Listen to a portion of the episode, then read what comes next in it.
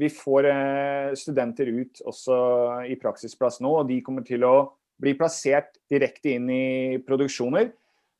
Sånne som eh, Markus Eiken, som eh, vi sendte over til Stockholm første gangen. Han, han gikk rett fra Brenneriveien inn i siste sesong på Game of Thrones. Så det her er reelle produksjoner, og de får seg en fantastisk erfaring. I dag så har vi med oss Hans Gunnar Brekke, som er førsteamanuensis eh, og leder for studiet i visuelle effekter på Høgskolen Kristiania. Og mitt navn er Arne Krumsvik.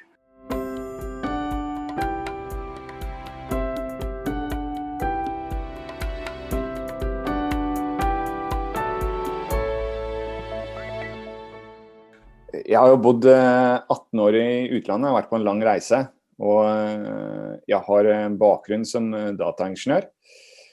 Og siste året av den ingeniørgraden det fullførte jeg på University of Sydney i Sydney, Australia. Og, men teknologi og eller selve programmeringsbiten var ikke noe jeg var lidenskapelig opptatt av.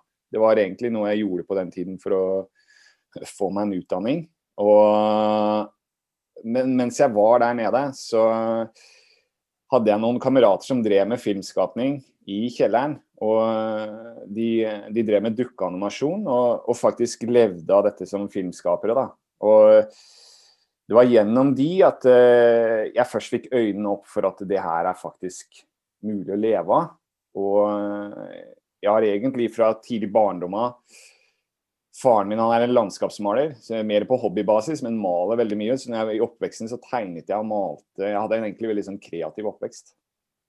Men uh, utdanningsmessig så valgte jeg mer teknisk retning. Men det var først når jeg fant og oppdaget det her med filmskapning, at det egentlig det var et sånt uh, ganske heftig vendingspunkt for meg, hvor jeg, jeg blei med å gjøre noen av disse scenene til de, de gutta her. og og som sagt, de hadde vært, eh, oppnådd ganske mye suksess. De, de fikk uh, vant Oscar for beste kortfilm. og Selv om det var veldig stilisert form for animasjon, så var jeg med nede i garasjen og jobbet med de, og, og jeg vet ikke om de hypet meg opp, men uh, de, de syntes det jeg gjorde var veldig tøft. Og jeg tenkte shit, er det her uh, mulig å leve av? Det var akkurat i tiden hvor jeg var ferdig med den bachelorgraden, og de fortalte meg om en mastergrad i Melbourne på RMIT, Royal Melbourne Institute of Technology, som hadde en master i film og animasjon. Så jeg søkte meg faktisk inn Eller jeg sendte inn en opptaksprøve og ble tatt opp. Og brukte egentlig de neste par årene på den masteren og lære meg det her. Og det var vel egentlig Jeg husker den gangen så ville familien min og venner at jeg Da hadde jeg vært ute noen år, og at jeg skulle komme hjem og få meg en seriøs jobb. Fordi det var mye etterspørsel sånn akkurat rundt 99-2000 for uh, IT-ingeniører her hjemme. Men jeg hadde liksom virkelig funnet noe som ikke jeg klarte å slutte å tenke på. og selv om jeg ikke jeg langt fra behersket det, så, så, følte jeg at det her er noe jeg virkelig vil eh, undersøke videre. Da, og dro ned til, endte opp å bli, komme inn på den mastergraden. Og dro ned til Melbourne og var der eh, i et par år. Og, og fullførte den, men den den ledet ikke til noe jobb. Det var eh, Vi hadde en svær rekrutteringskveld, og jeg husker at uh, jeg tok meg dress, og det var liksom alle filmstudioene der når kom ned. Disney var der, Rising Sun, uh, Animal Logic. Det var store bedrifter som kom på den kvelden. og jeg fikk ikke ett jobbtilbud.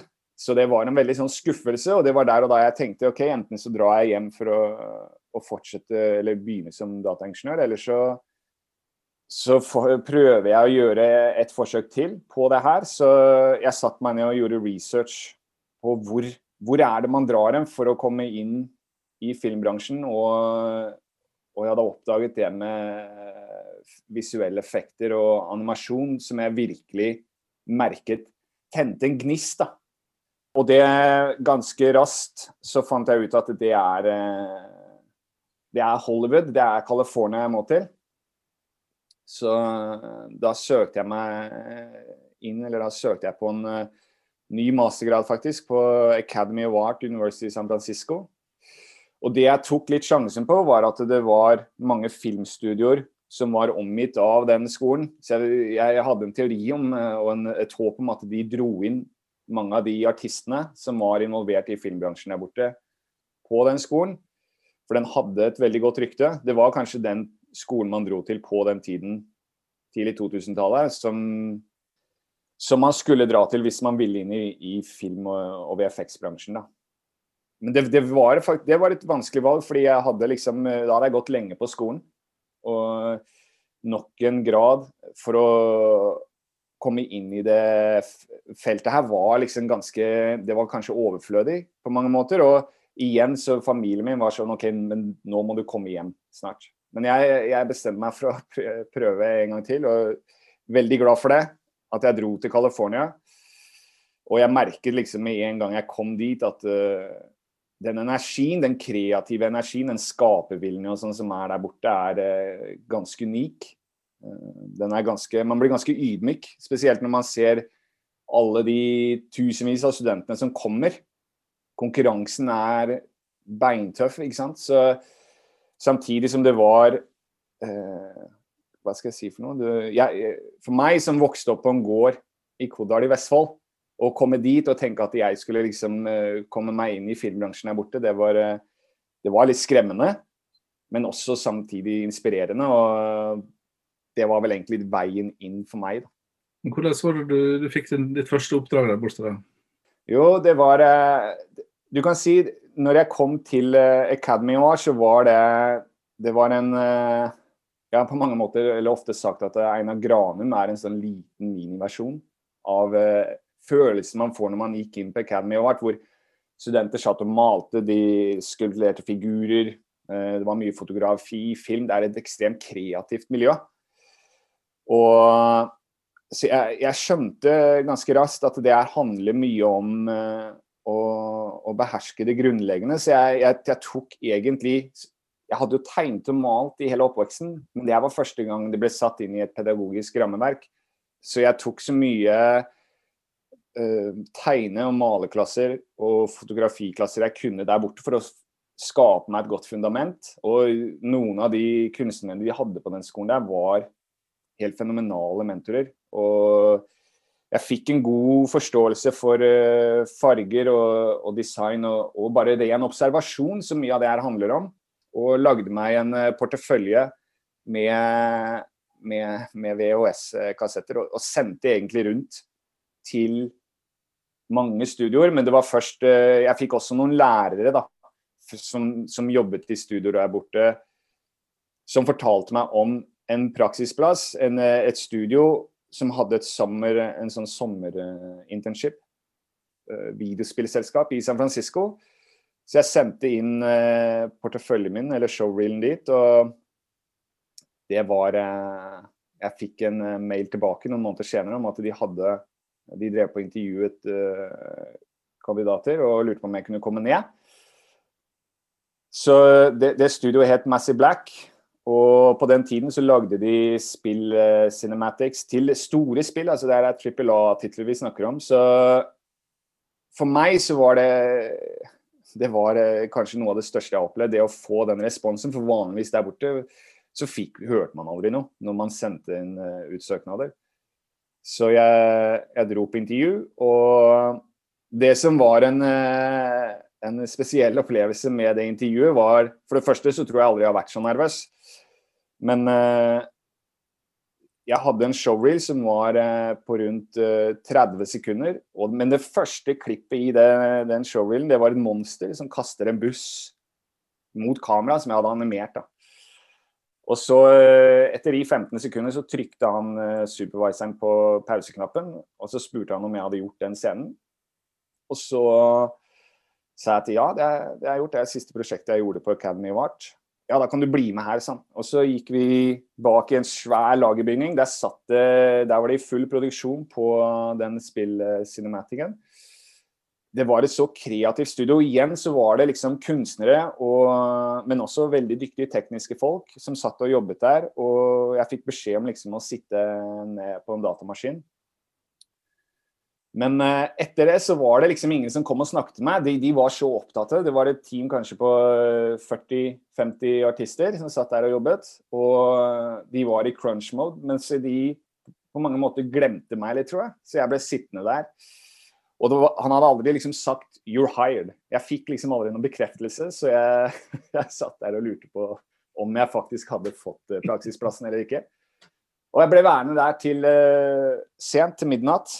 Og jeg bestemte meg egentlig for Jeg Syns det var en litt sånn surrealistisk opplevelse, for jeg var liksom på innsiden, men jeg hadde liksom ikke fått noe bekreftelse.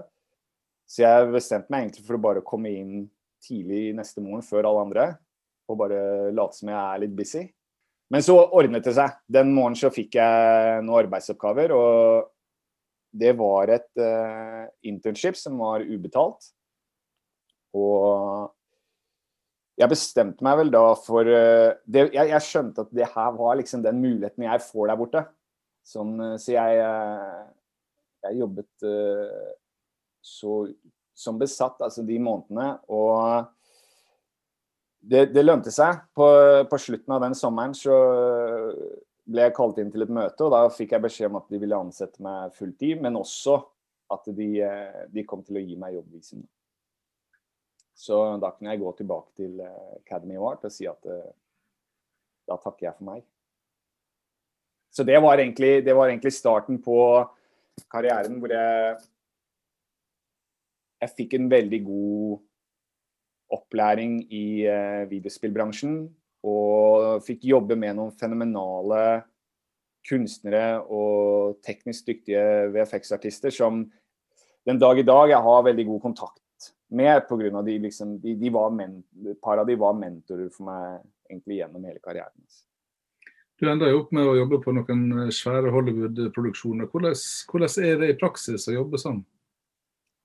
Jo, det, det er et annet uh, nivå igjen, liksom fra videospillbransjen. Som i hvert fall på den tiden så var det Jeg fikk igjen et godt fundament og, og en grunnleggende sånn uh, opplæring. Det var der jeg først liksom begynte å utvikle meg som en VFX-artist. Og det var også gjennom de at jeg fikk uh, kjennskap til et studio som lå i Berkeley, et filmstudio der borte. Et gammelt, tradisjonelt studio som het Tippet Studio som, uh, som skulle gjøre en, en monsterfilm som het Spiderwick Chronicles. Og de gjorde også De hadde to filmproduksjoner, visstnok. Og den andre var et eventyr i New York, som går på TV her en gang som jevne mellomrom i jula, i hvert fall. Enchanted. Og etter et par år på Massey Black så kom han ene supervisoren bort til meg og sa at jeg tror du For han visste jeg var interessert i å komme meg inn i film. Han sa at, eh, og han hadde tidligere bakgrunn fra Tippet Studio. og Han sa timingen nå er ganske bra for å sende inn en portefølje. Så jeg gjorde det, og ikke lenge etter så ble jeg kalt inn til et uh, intervju. Og før jeg visste ordet av det, så satt jeg og jobbet på en Disney-film som uh, ble regissert av Kevin Lima, som en, en gang i tiden gjorde Tarzan, den gamle 2D-animasjonen. Og det også var en uh, det var en skikkelig kalddusj med tanke på nivået. Og jeg, jeg, hadde liksom ikke fått noe opplæring i hvordan det her fungerte. Og det å plutselig sitte i en kinosal med 50-60 andre artister og få arbeidene dine Ganske, ganske ærlig og brutal feedback. Sånn uh, helt fra starten av, liksom. Det, det var uh, en nervepirrende, men også veldig ydmyk opplevelse, altså. Så det var egentlig starten på det. Jeg kom meg inn i film, og jeg skjønte ganske fort at nå er jeg på riktig sted. Det her var eh, det, Hver dag så lærte jeg Jeg gjorde så store sprang, da. Ferdighetsmessig. Og, og lærte så mye daglig i de sessionene når vi satt i kinosalen. Og, men det er fullt tempo. Det er et helt annet trykk og forventnings Eh, enn det jeg, det, det jeg var vant til. Da. Så det tok meg eh, noen år før jeg liksom ble vant til den hverdagen.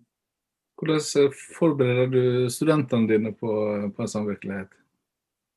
Jo, så vi har jo der, Vi har tatt liksom mange av de praksisene og, og måten en filmproduksjon gjennomføres på, inn i bachelorgraden i visual effects. Så det med å kjøre dailies, hvor man liksom gir tilbakemeldinger på arbeidene fra dagen før, selv om ikke vi har jo ukentlige forelesninger. Men vi, vi har da Vi går gjennom arbeidene til studentene som ble gjort fra forrige forelesning. Og så kjører vi det, de feedback-sessionene i plenum og gir tilbakemeldinger til studentene live. da.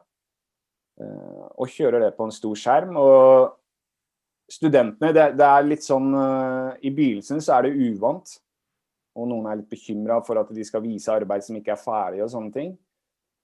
Men på, etter et semester eller to så begynner de også å se verdien i det og nytten av å, å få feedback. Og også, inkluderer vi de inn i de tilbakemeldingssessionene hvor de også bidrar med feedback. Og det er en utrolig nyttig erfaring bare å ta med seg det og prøve å analysere andre studenters arbeid og se hvordan konstruktivt det kan forbedres. da. Så... Det har jo nydelig blitt kåra til en av verdens uh, fremste utdanninger på området. Det er jo superstas, syns alle vi andre, og sikkert du også. Men uh, hva er det som gjør at dere kom inn i så godt selskap? Du, det, vi har, uh, takk for det, altså. Vi har Det er noe Morten og jeg, Morten Moen, som er en god kollega på VFX. Vi, vi har, det er noe vi har jobbet målrettet med i flere år, egentlig. Helt fra starten av. Og vi har Det er en kombinasjon av uh, å ha lagt en visjon på et studie som uh, på mange måter har blitt veldig godt akseptert i bransjen, og har også vært etterlengtet behov. Samtidig som også vi har veldig dyktige studenter som, som lager arbeid på relativt høyt nivå, altså. Og det er egentlig Vi prøver å bygge en kultur for det. Og det å delta Jeg er helt overbevist om at uh, talentnivået her hjemme er utrolig høyt. Så det handler egentlig om å bare få eksponert de studentene deres arbeid ut. Og det, på mange måter så er det et veldig fint springbrett også for de studentene med tanke på Det åpner seg muligheter som ikke de engang kunne forestille seg med å bare delta. Så men det, jeg er veldig stolt av den, uh, å komme på den lista. Det er, det er, noe vi har jobbet veldig hardt for. I dagens filmproduksjoner så er det vel eh, knapt noen spillefilmer som ikke har en eller annen form for uh, spesialeffekter. Hvordan, hvordan ender vi opp der? Ser tøft ut, da. Nei, det er Mye av det handler jo ofte om økonomi, og hva som er det, det, det ofte er billigere. Det er noen av de stuntene som gjennomføres og sånn, er, eh, er, ikke sikre. Eh, så det er farlig å gjennomføre. Så det, da kommer visuelle effekter opp relativt raskt.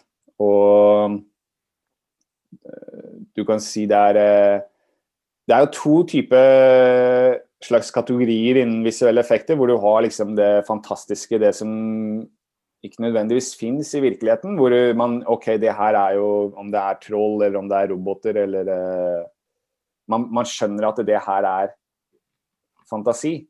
Uh, samtidig så har det også Det er ekstremt mye visuelle effekter som ikke man nødvendigvis legger merke til. Og sånn som på heimebane og mange av de norske seriene som blir gjort nå, så er det jo utrolig mye av de produksjonene som blir filmet inn i et studio og som blir integrert på en veldig sømløs måte etterpå. Da. Så det er noe Det handler om budsjett, og det handler om risiko. og ja. Jeg hadde en liten sånn film, eller noen filmkvelder sammen med sønnen min nylig, og så så vi alle Mission Impossible-filmene. Eh, og Den første kom vel i 96, og nummer to i 2000. Og Det virka som, som, det var en eh, enorm forskjell på de to, to, filmene når det gjelder det visuelle. Det var omtrent når du kom til Hollywood. Ja. Um, skjedde det noe teknologisk der som gjorde at forutsetningene ble annerledes? Det er, det er bare at uh, den teknologien, sånn sånn spesielt CG, da, 3D, computer graphics, som, uh, som har en eksponentiell utviklingskurve. og Du kan se liksom på filmer som er uh, bare nå fem år gamle, så, så, ser man at ikke det sitter helt i det filma materialet. Fordi det utvikler seg, og vi blir vant til større og større Eller mer og mer detaljer. Og, og, og publikum stiller større krav til hva som er fotorealisme. Så, og det er der hvor det, det, det heves hele tiden. Og du kan si på en femårsperiode, spesielt innen hvis mye av effektene er CG, og 3D, så ser man stor forskjell. Altså, er, jeg husker første gang jeg så uh, Gollum fra 'Ringenes herre' igjen, og det liksom uh, Det tok ikke så mange år før han først begynte å føles uh, veldig syntetisk og digital ut igjen. Altså.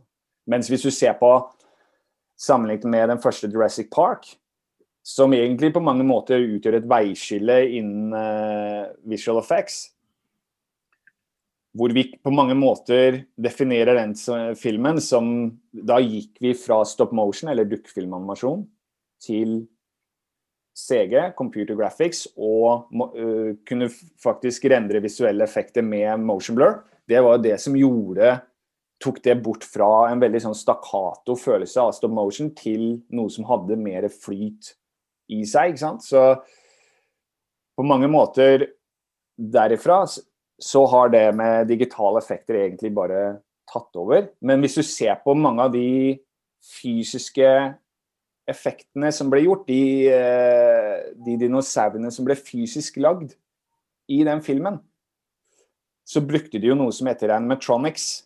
Og de hodene og sånn, og de spesielt close-ups, nærbildene av dinosaurene, som da ble styrt av en puppeteer, de, de, føles fortsatt ekte ut, for de var jo i scenen. De fikk lyset, de fikk regn på seg. Så det er jo på mange måter tidløst. Eh, skal, jeg tror det med analoge effekter og Det kommer mer og mer tilbake igjen. Hvor nå, i veldig lang tid, så har det vært eh, CG som har dominert. Og hvis du ser på sånn som Hobbiten og sånn, som jeg selv var med på, så ble det jo liksom det ble jo veldig mye. Nesten alt var digitalt. Og mens det jeg syns fungerte veldig fint på 'Ringenes herre', var at de, de, bygde jo kostymer og brukte de orkene som var i forgrunnen. De var jo ekte, og derfor så det bra ut. Uh, så, og det er noe vi ser. Det er noe vi ser komme mer og mer tilbake. Vi skal slippe til publikum eh, med noen spørsmål. og Da skal Leif Holst Jensen eh, lov til å komme inn i rommet. Hei, Hans Gunnar. Det er jo veldig hei, hei. hyggelig og spennende å, å, å, høre på. Det jeg også tenker jo er veldig fascinerende for oss, det er det at uh, eh, VFX-utdanninga di ikke bare uh, i seg selv holder et veldig høyt nivå og, og har utviklet seg veldig bra. Dere har en feedback-kultur som er helt unik. Men det er jo også uh, det som jeg syns er verdt å trekke frem, er jo det at de andre fagene rundt dere har veldig glede av eh, VFX-faget. Og at det at vi på høyskolen har en så stor faglig bredde, gjør at vi har et fagmiljø ikke bare innad i et sånt miljø som er sterkt, men også at det har smitteeffekt på de andre, og at deres VFX-studenter også har glede av en del av de andre studieretningene på høyskolen.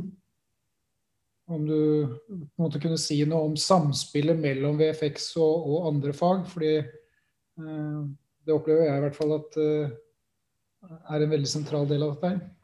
Absolutt. Det er jo det er en dans. Vi, eh, vi er helt avhengig av uh, samarbeid med andre studier her på skolen. Og det er noe vi gjør i stor grad òg. Igjen fordi det gir studentene en, altså en respekt for hverandres fagfunksjoner. Og, og, det er utrolig fint når vi kjører større produksjoner hvor vi får inn eh, studenter fra maske og hår som hjelper oss med kostyme og makeup. Og vi, vi, jobber sammen med filmfotografer fra film og, og skuespillere. Det er eh, helt klart et eh, det, er, det, er, der potensialet til høyskolen ligger. Det, det tverrfaglige samarbeidet der. og vi har, eh, sånn som nå, så jobber vi med studentene fra Art Direction, eh, hvor vi utvikler en eh, ny produksjon. og Det er noe som vi gjør egentlig hvert semester. Så har vi studentene i samarbeid da med om det er manus eller lyddesign, så er de hele tiden i kontakt med andre studiemiljøer. Og det er det, er det som hjelper og jeg tror også som setter oss, skiller oss fra mye av de konkurrentene i hvert fall vi har, sånn på VFX, det er at vi, vi har et bredt fagmiljø som gjør at vi kan gjøre ganske unike produksjoner. Det var Leif Holst Jensen som stilte spørsmål. og Han er instituttleder på Westerdals institutt for film og medier, der denne, dette utdanningsprogrammet holder til. Nå har Erik Tandberg bedt om ordet. Vær så god, Erik. Spennende å høre på deg. Eh, kort spørsmål. Hvordan er jobbmulighetene for studentene dine når de er ferdig på høyskolen? Vi, vi har liksom eh, to situasjoner her, da, før korona og etter eh, nå. Første gjengen som gikk ut, ble jo Vi hadde en helt fenomenal rekrutteringsbehov fra bransjen, hvor eh, mer eller mindre an, nesten alle gikk ut i fast jobb, faste stillinger. Både her i Oslo, Stockholm, København, London. Så det har vært helt klart uh, De har blitt veldig godt tatt imot av filmstudioer både her og internasjonalt. Nå så, så er det liksom uh, Det er ikke å legge skjul på at situasjonen er mer utfordrende nå. Det er uh, flere, også mer erfarne VFX-artister, som er permittert. Det, jo, det skjer vel uavhengig av bransjen nå det er nok enda større konkurranse enn tidligere. Men vi hadde faktisk i går så hadde vi en eh, rekrutteringsdag på, for tredje klasse på, for deres BA. Så på Visual Effects så kan vi gjøre bachelorprosjektet vårt på to måter. Vi kan enten gjøre det som en produksjon på skolen, eller så kan vi gå ut i en praksisplass eller internship i et filmstudio, enten her i, i, Norge eller internasjonalt. Og i går så kjørte jeg og Morten en rekrutteringsdag som ble gjennomført på Zoom. Men da hadde vi alle studioene i Oslo, eh, som eh, Storm var med. Vi hadde Important Looking Pirates og eh, Goodbye Kansas fra Stockholm. Vi hadde Ghost fra, fra København. Og det, vi gjennomførte det her på en måte som eh, etter smittevernreglene, men eh, det ble gjennomført på Zoom, og studentene fikk intervjuer. Det var en sånn speed-intervjusesjon hvor de gikk, eh, hadde 20 minutter, intervjuet med et filmstudio. Jeg sender ut deres showreeler, og så får vi forespørsler fra studioene med tanke på hvem de vil snakke med. Så det gikk utrolig bra. Vi får eh, studenter ut også i praksisplass nå, og de kommer til å bli plassert direkte inn i produksjoner. Sånne som eh, Markus Eiken, som eh, vi sendte over til Stockholm første gangen. Han, han gikk rett fra Brenneriveien inn i siste sesong på Game of Thrones. Det her er reelle produksjoner, og de får seg en fantastisk erfaring. Men hvor vi, hvor vi ender opp til sommeren, det, det gjenstår å se det, vi får håpe at det her har gitt seg, og at vi liksom får vind, vind i seila igjen. Det, Jens Barland er dekan på en, et annet område på Høgskolen Kristiania, så er jeg medforsker. Jeg syns dette var veldig inspirerende å høre, Hans Gunnar. Jeg tror vi må ha en jobblunsj en gang. Eh, du, du, nevnte det med kulturbygging. Ja. Og så er det jo sånn, Man blir jo sånn som de rundt seg, så du gjorde jo noe veldig smart med å finne de beste og henge med dem. da. Ikke sant? Og det er da jeg tenker på, hvis du tar den erfaringen, det er litt sånn som dere gjør hos dere, og kanskje litt sånn som så vi får overført den kunnskapen til resten av Høgskolen Kristiania også. Hva er det du gjør for å skape sånn Hollywood-feeling eh, på Høgskolen Kristiania i dine nære omgivelser? Jeg tror liksom det, Da er det viktig, hvis, sånn som uh, i går, når vi, vi drar inn uh, Det her er store filmstudioer som kommer inn til oss. Men det, mye av det handler om Vi må jo få studentene til å kommunisere med disse studioene òg på, på, en uh, fin måte. Og de må lære liksom å De må kunne selge seg selv og også tro på seg selv. Jeg tror mye av det her handler om å faktisk fra dag én begynne å At de, de skal være stolte av å gå på VFX-linja. Og at de er her for en grunn. Det er en grunn til at uh, den klassen her er nettopp uh, begynner på Vulkan da, uh, på høsten. ikke sant? Og, så vi, vi, begynner ganske tidlig med å prøve litt sånn anti-jantelov. Jeg, jeg, jeg, tror spesielt for min del så var det en Jeg har lært det harde veien, hvor jeg som sagt vokste opp på en gård i Kodal. og det at jeg skulle jobbe med store filmregissører en dag, da, var liksom så langt far stretched for min del. og jeg, jeg, hadde nok veldig godt av de årene i California hvor jeg liksom eh, du, du, må, du, må, tro på deg selv. Det, det, er der liksom det begynner. Og vi bygger som sagt et prøver å bygge en kultur på linja og et samhold i klassene som gjør at det er en veldig god energi i klassen. Og at de liksom er i samme båt, de skal ut på en reise. Og, og det tror jeg studioene merker, fordi de, det er en viss eh, modenhet i de studentene når de kommer da på tredjeåret. Og eh, de går inn i de intervjuene med, med troa på seg sjøl. Altså, det var kult å se i går, sjøl om det var eh, online. Så vi bruker mye tid på det. Hei, Hans Gunnar. Tine Widerøe, høyskoledirektør. Eh, det er veldig inspirerende å høre, ikke minst om bakgrunnen din, som ikke jeg har kjent så mye til fra før. Eh, og jeg håper studentene dine er like motivert som du var. Eh, eh, du nevnte jo at du tok så mange klasser du kunne, bl.a. Og så blir jeg helt nostalgisk når du nevner VHS-kassetter. Og så får jeg assosiasjoner til I min ungdom så var jeg veldig glad i å se på skrekkfilmer, bl.a. Og 'Haisommer' f.eks. er jo blitt noe helt annet. Eh, å se på eh, i dag. Men du, det jeg lurte på, du nevnte, eh, og jeg vet at dere har veldig dyktige studenter, og Leif også nevnte at dere har en unik feedback-kultur. Mm. Og så lurte jeg på, jeg fikk ikke helt tak på i hvilken grad dere bruker studentene i de prosessene, altså med medstudentrespons, og i hvilken grad studentene faktisk veileder hverandre. Hvis du kan si noe kort om, om hvordan dere organiserer det og får til det på en god måte i tilfelle? Ja. Uh, altså Mye av det her bygger jo egentlig på direkte erfaringer fra hvordan uh, filmproduksjon, etterarbeidsproduksjon, kjøres. da. Og, og, spesielt når man kommer opp i større produksjoner hvor det er uh, mye materiale som man skal gå igjennom. Det er, jo nett, det er der liksom den kulturen med dailies og sånn kommer inn. For å hele tiden Man har ikke man har ikke verken budsjett eller spesielt tid til å gå altfor mye sikksakk. Vi må hele tida passe liksom, på at progresjonen opprettholdes. og Det er der hvor eh, det med dailies kommer inn. Hvor man liksom så tidlig som mulig Det er, det, altså, det er to ting det er snakk om her. fordi som, eh, som kreative sjeler så er det ofte man, man, man, vil liksom ikke vise arbeid før det er på et visst stadie. Før det er perfekt. Og ofte kan det være Man føler seg litt naken når man liksom må få ting opp på det store lerretet og få tilbakemeldinger på noe som kanskje er ganske røft. Men jeg lærte veldig tidlig at det er eh, fra spesielt fra et supervisor-sted, eller forelesersted, så er det, kan man, man kan uh, sette de, store linjene og få rekalibrert en student til å ta en riktig kurs til tidligere liksom, vi blir involvert.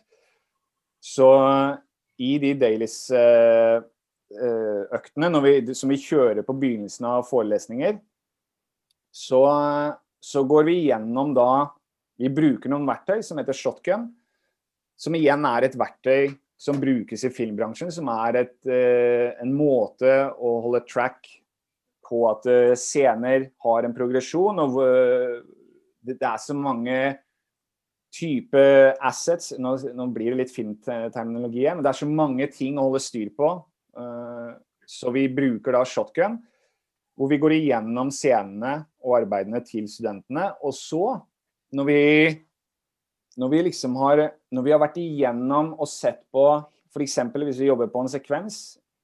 Når vi har sett på hele sekvensen i kontinuitet, se om det spiller bra fra et mer cinematisk perspektiv, vi, så gir vi feedback gjerne på de visuelle effektene.